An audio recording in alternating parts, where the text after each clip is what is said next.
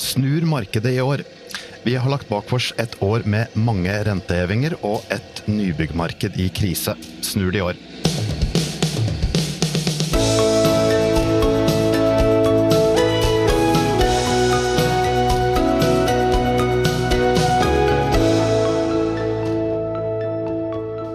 Forhåpningen til og utsiktene for 2024 er noe av det vi skal prate om i dagens episode av Byggeplassen.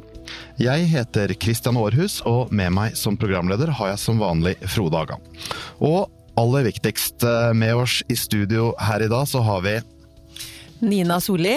Jeg er administrerende direktør i NHO Byggenæringen, og det er jo gamle BNL, eller Byggenæringens Landsforening. Nytt år, nytt navn, nye muligheter. Og en som ikke har nytt navn? Neira Matsic, sjeføkonom i Prognosesenteret. Nettopp tilbake fra mammaperm. Det er nytt her. Det er ganske mye nytt. Eh, nesten større enn en navneendring, vil jeg påstå. Eh, men eh, vi starter med deg, Nina. da NHO Byggenæringen. Det har nettopp gjennomført en undersøkelse blant deres medlemmer. Hva sier den om året som, som kommer? Nei, det er jo ikke så lystig det, å starte året med så dystre spådommer. Eh, det er jo NHOs faste, eh, den månedlige undersøkelsen, og vi spør medlemmene våre. Og vi har jo også nå spurt om permitteringer og oppsigelser.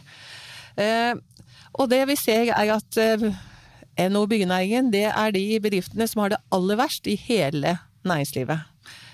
Så mye som 45% opplever dagens markedssituasjon som dårlig. 9 eh, sier at den er bra. Sånn at eh, noen har en lykkelig nisje og lever godt der. Men så spør vi dem eh, hvordan er utsiktene for de neste seks månedene. Og da er det så mye som 61% som forventer en nedgang eller, eller forverring de neste seks månedene. Og 5% venter en bedring. Hvilke eh, konsekvenser får dette her da, hvis disse her dystre utsiktene og spådommene til bedriftene slår til? Nei, Konsekvensene er jo at de nå sitter og ser på om de må nedbemanne eller permittere. Og det merker vi jo i NO NHO Byggenæringen. Vi er jo arbeidsgiverorganisasjon også, så vi rådgir og har gjort det egentlig hele høst. Eh, det som er litt utfordringen, er at eh, dette syns jo ikke på statistikkene når vi jobber med det. Men bedriften har forberedt seg lenge, og nå er det mange som skal sette i gang. Eh, og da er det jo tre måneders oppsigelse før man ser det på statistikken. Og når vi jobber med politiske rammebetingelser og tiltak, så er jo vi opptatt av at det skal skje før man sier opp. Så her har vi en liten utfordring. Men det er altså så mye som 17% som sier de har permittert i 2023. 18 eh, sier de har hatt oppsigelser i 2023. Men så spør vi da neste tre måneder. Da er det 31% av bedriftene som melder at mm, de vil gjennomføre permitteringer de neste tre månedene og 15% som eh, sier at de vil gjennomføre nedbemanninger. Og både dere og Fellesforbundet vil ha endringer i permitteringsreglene. Ja. Hva er det dere ønsker å oppnå med det? Ja, Vi er jo veldig opptatt av å holde på fagkompetansen. Fordi vi sitter her og ser på et seksmånedersperspektiv og kanskje et år. Vi vet at det skal snu igjen. Fordi det er behov for å bygge flere boliger, og det er mange prosjekter som det er helt nødvendig å sette i gang med, men som får en stopp nå pga. høy rente. Så vi vet at etterspørselen vil ta seg opp igjen, og det er midlertidig. Da er det viktig å beholde kompetansen. Og så har vi litt den krisa fra 90-tallet i mente, hvor man mista fryktelig mange fagarbeidere. Vi har 40 000-50 000, og de kom aldri tilbake. Og vi er redde for å komme i den situasjonen der. Derfor så tenker vi hvis man kan permittere i 52 uker eh, istedenfor 32, så er det alternativt å gå på permittering og ikke rett på oppsigelse. For du snakker om 52 uker, og du snakker om hvor negativ bedriften er i forhold til de neste seks månedene. Mm. Sier den noe om de neste tolv? Det har vi ikke, og da er det jo andre prognoser som vi har med på det, og Prognosesenteret er jo også gode på det. Flaks at vi har Prognosesenteret her ja. akkurat nå, og da spiller vi ballen over til deg, Neira. Tolv måneder. Hvordan ser det ut? Eh, jeg tror vi skal eh, lenger ned eh, i gjørma før det begynner å lysne. Så det medlemsbedriftene har svart her, samsvarer på en måte med det inntrykket vi har ellers. Det er ikke noe synlig økning i ledighetstallene ennå, men det kommer nok. Og det vil komme nå utover våren og helt frem til sommeren. Vi tror at salget av nye boliger vil begynne å snu oppover etter første rentekutt. Men det betyr at igangsettingen av nye boliger kan da først snu helt mot slutten av inneværende år, eh, eller begynnelsen av 2025. Så det tar tid. Også, også, når vi snakker om når det snur, så må vi jo liksom eh, definere hvilken indikator er det vi snakker om. For det er ganske altså Det er selvfølgelig et, et, stort lag i tid mellom salget av en ny bolig og til den ferdigstilles. Eh, produksjonstiden for leilighetsbygg er typisk på to og et halvt til tre år, noen opptil tre og et halvt år også. Så nå merker vi at det fullføres mange færre boliger, i kombinasjon med at det igangsettes færre boliger. Så den samlede produksjonen eh, blir jo da veldig hardt rammet. Og så er det 9% som sier at det går bedre, vi må, vi må ta med det òg. Hvor er det det går bra? Hvilken segment av byggenæringen går bra nå? Det er ikke så veldig mange segment som vi vet om der det går bra. Altså, eksportindustrien gjør det bra. Vi har en svak krone. Kronen ble ytterligere svekket i 2023. Eh, norske varer er relativt sett billigere for uh, utlendinger som skal bestille det. Eh, det kan tenkes at eksportbedriftene har økt, eller i det minste klart å opprettholde sin byggetterspørsel. Eh, og da er det industribygg, eh, lagerbygg som er etterspurte. Utover det eh, så kan jeg ikke se hva som sånn fra et makroøkonomisk perspektiv skulle ført til at noen øker sin byggeetterspørsel, sånn som situasjonen er nå. Og så har vi rotmarkedet. Eh, rotmarkedet er jo et klassisk motkonjunkturtiltak fra, fra det offentliges side.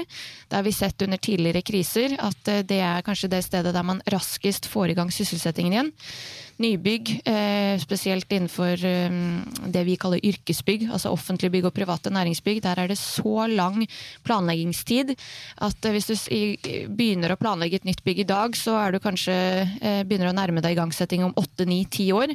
Så det er ikke et godt motkonjunkturtiltak, mens i rotmarkedet så går det ganske fort. Betyr det at hvis du hadde ledet et entreprenørselskap nå, så hadde du retta deg inn mot rotmarkedet? Det hadde jeg definitivt. Både på kort sikt og lang sikt. Fordi mm. eh, vi har en enormt stor bygningsmasse som eh, kommer til å møte store utfordringer fremover hvis vi skal nå de klima- og energikravene som har blitt satt. Eh, rotmarkedet er i våre prognoser det markedet som kommer til å ha sterkest vekst både på kort og lang sikt. Jeg antar at de aller fleste av lytterne våre vet hva rotmarkedet er, men det er altså rehabilitering og Ja. Renovering, ombygging og tilbygg står yes. Og da trenger vi kanskje noen insentiver, eh, Nina? Et rotfradrag, kanskje? Ja. Vi, har, eh, vi, jobber mye med hva slags tiltak er det som kan gi noe aktivitet i markedet i 2024 og 2025. Fordi eh, vi prøver å bremse den voldsomme negative utviklingen. Og mens vi venter på renta, så er, det jo lurt av, av, det offentlige også å bygge nå når det er kapasitet, og før eventuelt det blir en ketsjup-effekt som kan drive prisene igjen. Vi har vært opptatt av at Husbanken skulle få mer midler. Det fikk vi gjennomslag for i Stortinget. I forhandlingene med SV og regjeringen så ble det fem milliarder. Det kan gi rask aktivitet. Eh, vi er også opptatt av energieffektivisering. Eh, der kom det 700 friske millioner på det. Det blir totalt en milliard, men det som lå med 300 millioner fra før. Så det er en god start. Det kan gi noe. Og så er vi opptatt av kan man gi rentekompensasjon til kommuner? For nå er det mange kommuner som setter gryteklare prosjekter på hold. Rett og slett fordi at eh, de får ikke økonomien eh, til å gå rundt. Hvis regjeringen kan gi dem rentekompensasjon for, og, i de første to åra f.eks., mot at de setter i gang nå, så tror vi det er effektivt. Men er det realistisk å tro på at byggenæringen skal få så mye eh, alene? Det er vel andre næringer som sikkert har behov for ting i, i disse tider? Jeg opplever at politikerne har stor forståelse for situasjonen i byggenæringen nå. Jeg snakka med statsministeren på NOs årskonferanse, og han sa jeg forstår, det er krevende i byggenæringen nå.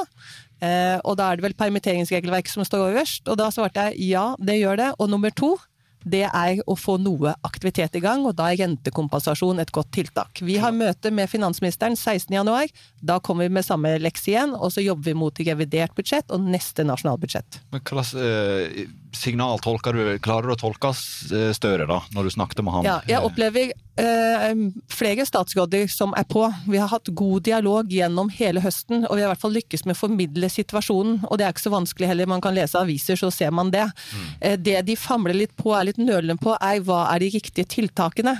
Men hvis du husker byggedagen i fjor, så sa jo Vestre at han kunne et og annet om motkonjunkturpolitikk. Det minner vi han om, og så kom vi med en liste med gode tiltak. For det har vært snakk om en perfekt storm, at det har vært en perfekt storm i byggenæringen.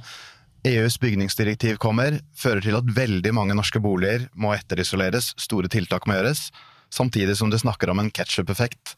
Kan vi være på vei mot en orkan? Ja, vi har jo vært kalt det diverse ting. Trippelsmell og perfekt krise. Vi er vel der nå. Både det offentlige som skrur igjen, eh, i tillegg til at renta er så høy at boligmarkedet stopper helt opp. Eh, næringsbygg det vil jo også bremse, for det er vanskelig å få finansiert prosjektene. Så her er det bom stopp. Og så vet vi at behovene er sterke.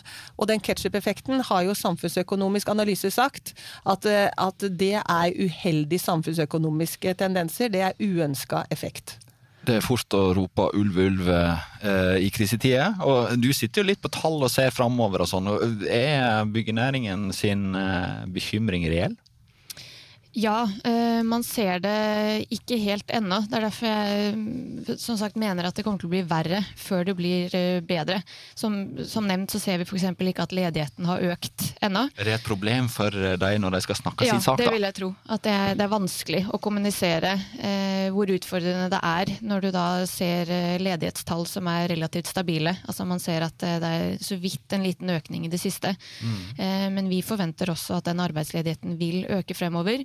Men da eh, må det igjen presiseres at det er fra et veldig lavt nivå. Vi har fortsatt veldig lav arbeidsledighet. Det er uvanlig mange som er i arbeid. Eh, og det er mulig at den økningen vi forventer i arbeidsledigheten fremover, at, vi er litt for naive, for vi forventer en svak økning fremover. Det kan hende at den blir større enn det vi ser for oss nå. Eh, så det gjenstår jo å se. Men innleieforbudet er noe jeg gjerne vil at vi skal snakke litt om. For vi har jo ikke merket eh, konsekvensen av innleieforbudet ennå, fordi etterspørselen i byggemarkedet har vært så så lav. Men det sekundet markedet snur og etterspørselen igjen begynner å stige, så tror jeg vi kommer til å merke hvor begrensende eh, det innleieforbudet er.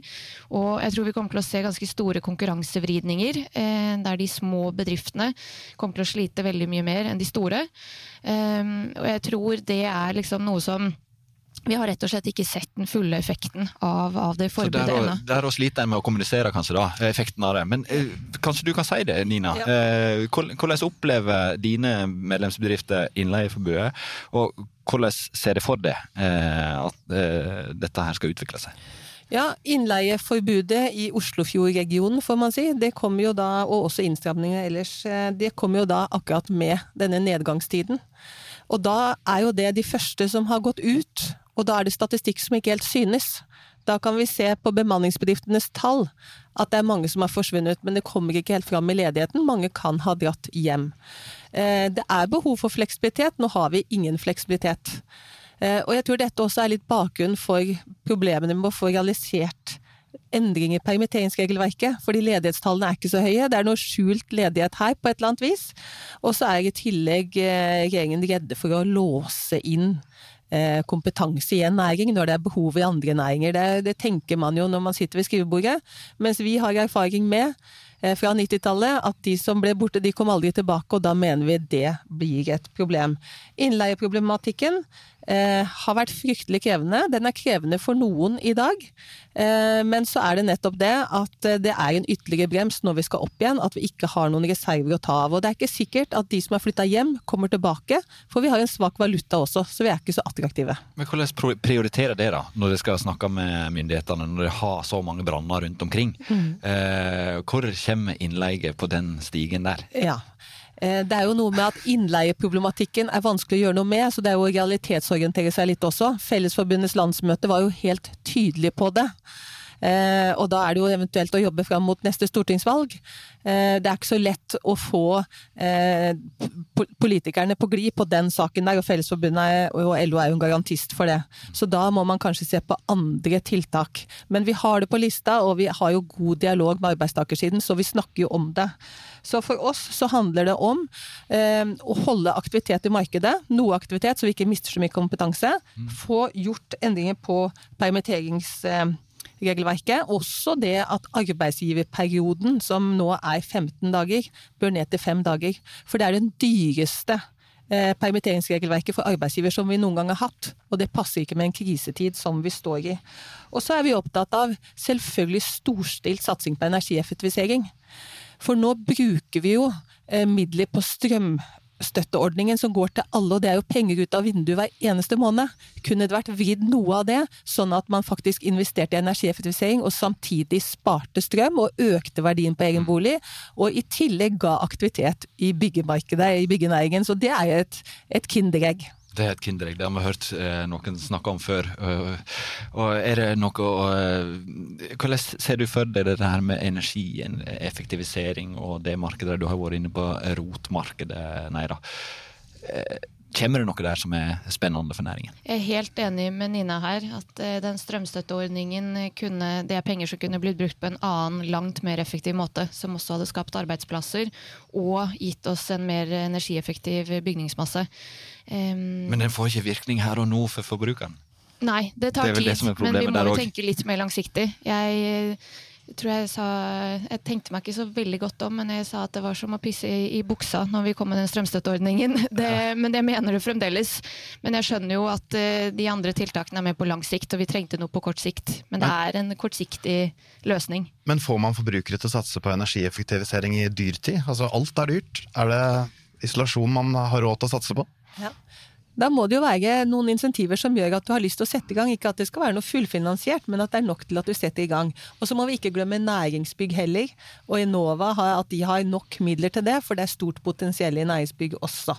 Men Enova støtter jo ikke etterisolering i særlig grad? Nei, vi, vi, jobber jo med dette her, da, med virkemidler. Hvordan skal vi få i gang eh, energieffektivisering også i næringsbygg? Hvordan kan vi ha virkemidler som, som, får det i gang? Vi hadde jo Energikommisjonen som sa at vi skal ha mer av alt nå, og det er et stort potensial. Skanska har jo en eh, rapport som sier at med enkle midler, så midler kan du spare 12 terawatt-timer. Og det er jo like mye som alle vindmøllene her som står i Norge, produserer i dag. så det høres ut som en veldig lavthengende frukt. Ja. Eh, men eh, en annen ting eh, som ikke er så veldig lavthengende, og i hvert fall gi svar på, det er det som skjer rundt oss i verden. Og det påvirker i aller høyeste grad byggenæringen. Det har vi merka i mange år allerede. For å ta det bildet der, da. Har du lyst til å svare på geopolitikk? Nei da. Jeg har ikke sånn kjempelyst, men jeg kan prøve meg. Du har vel noen erfaringer fra en annen podkast, har vi hørt. Du har snakka om storpolitikk der. Og vi lurer jo på nå er Midtøsten eh, i brann. Mm. Eh, det er frykt for en eh, storkrig. Mm. Hva kan byggenæringen forvente seg? Det er eh, veldig uforutsigbart. Eh, det, det, som man kan si noe veldig konkret om, er at det fører til økt usikkerhet. Men hvordan den usikkerheten vil forplante seg i mer sånn konkrete konsekvenser, syns jeg er vanskelig å, å kommentere. Eh, vi kan få økt oljepris igjen. Det er en eh, direkte konsekvens vi kan få. Det kan jo også indirekte være med på å øke byggekostnadene ytterligere. Eh, fordi eh, oljeprisen er en del av byggekostnadene. Men kan ikke det dra opp inflasjonen og gjøre at det er vanskeligere å sette ned renta, sånn at rentebanen blir en helt annen enn det Norges Bank ser for seg nå? Det kan det også. Det kan også bli en konsekvens. Det kan også føre til at eh, norske olje- og gassnæringen eh, gjør det enda bedre enn de allerede gjør det. Sånn at eksportbedriftene våre eh, får eh, enda sterkere vekst, som jo kan være positivt for eh, norsk BNP. Eh, og så kan det jo få positive ringvirkninger for resten av norsk økonomi dersom alle leverandørene inn til olje og gass eh, også opplever økt etterspørsel. Så det kan være mange første, annen, tredje, fjerdehåndseffekter her eh, som er vanskelig å forutse. Men det at det blir økt usikkerhet, og, denne økte proteksjonismen vi har sett de siste årene, eh, den eh, ser ut til å fortsette. Det er ikke en trend som jeg tror vil snu. Tvert imot så ser vi at det er flere og flere land som flytter produksjonen hjem, eh, spesielt fra Sørøst-Asia hjem til, til, seg selv, fordi de er bekymra for eh, forsyningslinjene. De er bekymra for en, no, en, en, stor uh, krig, uh, igjen, som kan da føre til at det tar lengre tid å få transportert de varene man trenger. Uh, og det er kostnadsøkende. Og det kan også hindre at inflasjonen kommer ned igjen mot det målet sentralbanken har. Altså er Kina og Taiwan-konflikt og òg inne i dette bildet her, og Erna Solberg har vel pekt på det som en av de aller største fryktene for hvordan det kan påvirke verdensøkonomien. Ja. Og forsyningslinjer, ikke minst. En, Så sånn, her- en sånn krig ville definitivt ført til eh, økt inflasjon, eh, med disse mikrochipene som inngår i all elektronikk omtrent som vi forbruker. Eh, så ville nok det påvirket inflasjonen her hjemme ganske betydelig. Og som kanskje blir enda viktigere med tanke på kunstig intelligens. Så hvordan kan det påvirke bildet det neste året i byggenæringa? Ja, jeg tenker her må vi bruke alle muligheter, og digitalisering er eh, en, eh, en stor mulighet for oss også, og vi må i gang. Kunstig intelligens også. Eh, Alexandra Beck Gjørv i Sintef har jo akkurat sagt til eh, den nye digitaliseringsministeren Karianne Tung at eh, hun mente at det mest lavthengende frukt på effekter av digitalisering og kunstig intelligens er byggenæringen. Så her kan man kanskje spare kostnader også på transaksjoner mellom de ulike leddene i eh, leverandørkjeden vår. Så dette er absolutt noe som vi ser på, og ser på om det er mulighet for å komme i gang med et prosjekt. Det er så masse lavthengende frukt knytta til byggenæringa at vi bør jo starte vår egen sånn Ja, derfor- gartnerbedrift der. Ja, det burde vi. Anleggsgartner. Virkelig, vi bygger vi, uansett. Men det er også noe en eh, i forhold til det vi snakka om akkurat med geopolitikk, hvor stor usikkerhet det er. Det er også bekymring i forhold til investeringsviljen i bedriftene. Ja, det, Hvordan følger det da, eh, det som skjer i verden? Eh, Og hva, hva slags råd gir det til bekymra entreprenører? Hva skjer Ja. nå? Eh, Vi er jo en del av NHO, så vi har et stort analysemiljø der. Jeg husker jo ja, det er vel en fem-seks år siden hvor de kom med verden rundt oss, og de snakka om geopolitikk for første gang, og da var vi litt sånn stussa på det. Det var litt som noe nytt som vi skulle ta med inn i kartet vårt når vi diskuterte ver- eh, eh, næringspolitikk. Nå er det høyeste grad reelt, og det blir jo verre og verre. Og det skaper jo mer usikkerhet. Vi er jo vant til at det stadig kommer nye kriser. Bare i natt så er det liksom skalert enda en runde i forhold til usikkerhet og krig. Så her må man være forberedt på store endringer som får store konsekvenser. Men da er det også at det går på investeringslysten. Og det går på en næring nå som sitter med en krisesituasjon i forhold til markedet, svært lav markedet. Da må vi i hvert fall bruke situasjonen til omstilling og tenke nytt. Vi skal levere klimaløsninger også, så, og vi må ta i bruk selvfølgelig digitalisering og kunstig intelligens der vi kan. Bedriftene, mange bedrifter er langt framme. Mange av de små har ikke helt tatt i bruk den muligheten. Da må vi tilrettelegge og diskutere hvordan gjør vi dette. Bare en liten kommentar til når vi snakker om Ukraina-krigen, så er det ikke bare eh, konsekvenser for tilbudssiden, men også for etterspørselssiden. Vi har fått en, fått en voldsomt sterk befolkningsvekst eh, med alle de ukrainske flyktningene som har kommet til Norge. Og det har faktisk bidratt til å opprettholde, i hvert fall i boligmarkedet, etterspørselen eh, på et langt høyere nivå enn eh, det som ville vært tilfellet uten den innvandringen. Og det har vi da spesielt sett gjennom kommunenes eh, boligetterspørsel i leiemarkedet. Um, så, så det er også etterspørselseffekter fra, fra Ukraina-krigen, og ikke bare tilbudseffekter gjennom uh, dårligere tilgang på stål og aluminium og økte byggekostnader. Og her, her har vi også bedrifter, boligprodusentene, som kan sette opp egna eh, boliger i løpet av seks måneder. Så her venter jo vi En bare ny på bestilling. Lavthengende frukt. Det er jo nettopp det, for det er jo nesten et årskull som kommer. Det er jo nesten 1000 ukrainere som kommer til Norge i uka. De må jo bo et sted. Vi har forresten skrevet om det i Byggeindustrien, så de som er ekstra interessert i å lese om de eh, kjappe løsningene der, det, det går an å lese om. Eh, Det er spennende ting som skjer på innovasjonsfronten der. Ja, Men det har ikke står- tatt av det markedet. altså Det markedet har jo nesten ikke bevega seg. Det Nei. sier jo boligprodusentene sjøl òg. Ja, og det står på tiltakslista vår. Det er tiltak sammen med Fellesforbundet, og regjeringen har fått det. Politikerne har fått det, de vet om det, så vi venter bare på at de skal komme. Her er det komme. veldig mye lavthengende frukt. altså Det Det er, som det eh, kanskje har vært en del usikkerhet rundt, er om ukrainerne kommer til å reise hjem igjen eh, den dagen krigen eh, stopper. Og Derfor har man kanskje ikke villet investere i noe som er så varig som en økt bygningsmasse. Men de indikasjonene vi har hittil, er jo at de fleste sier at de ønsker å bli. Det har vært gjennomført spørreundersøkelser fra IMDi. eh, Der et stort flertall sier at eh, de kan tenke seg å bli her selv etter at krigen er over. Og det har jo bedriftene heldigvis tatt hensyn til, for de lager det som trygghetsboliger. Så det kan være eldre, vi får jo mange 80-åringer. De kan bo der videre for at de skal kunne bo hjemme lengst mulig.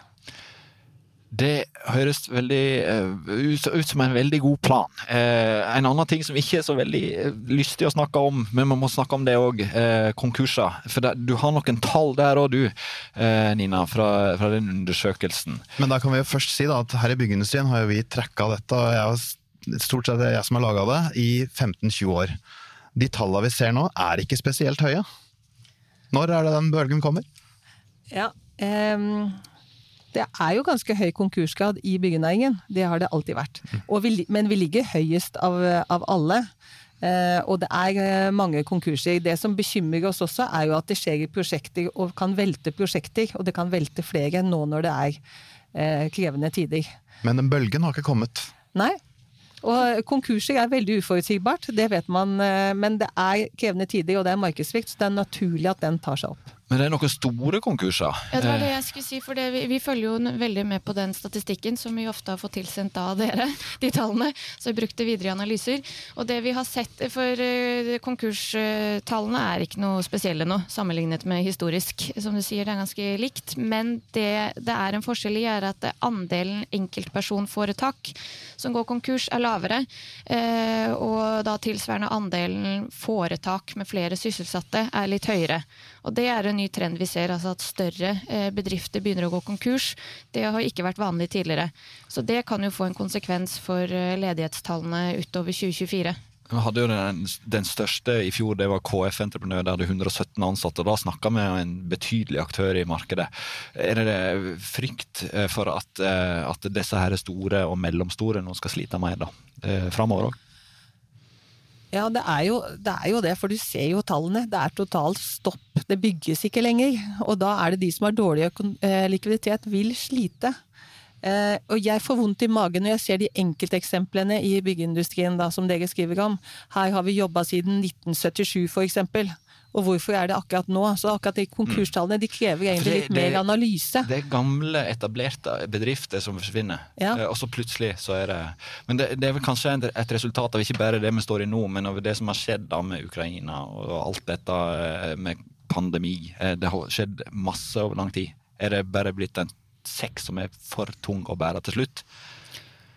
Jeg må jo si at uh, byggenæringen har klart seg overraskende bra uh, frem til nå, nylig, egentlig frem til i fjor. Mm. Gjennom hele koronapandemien så var igangsettingen overraskende høy.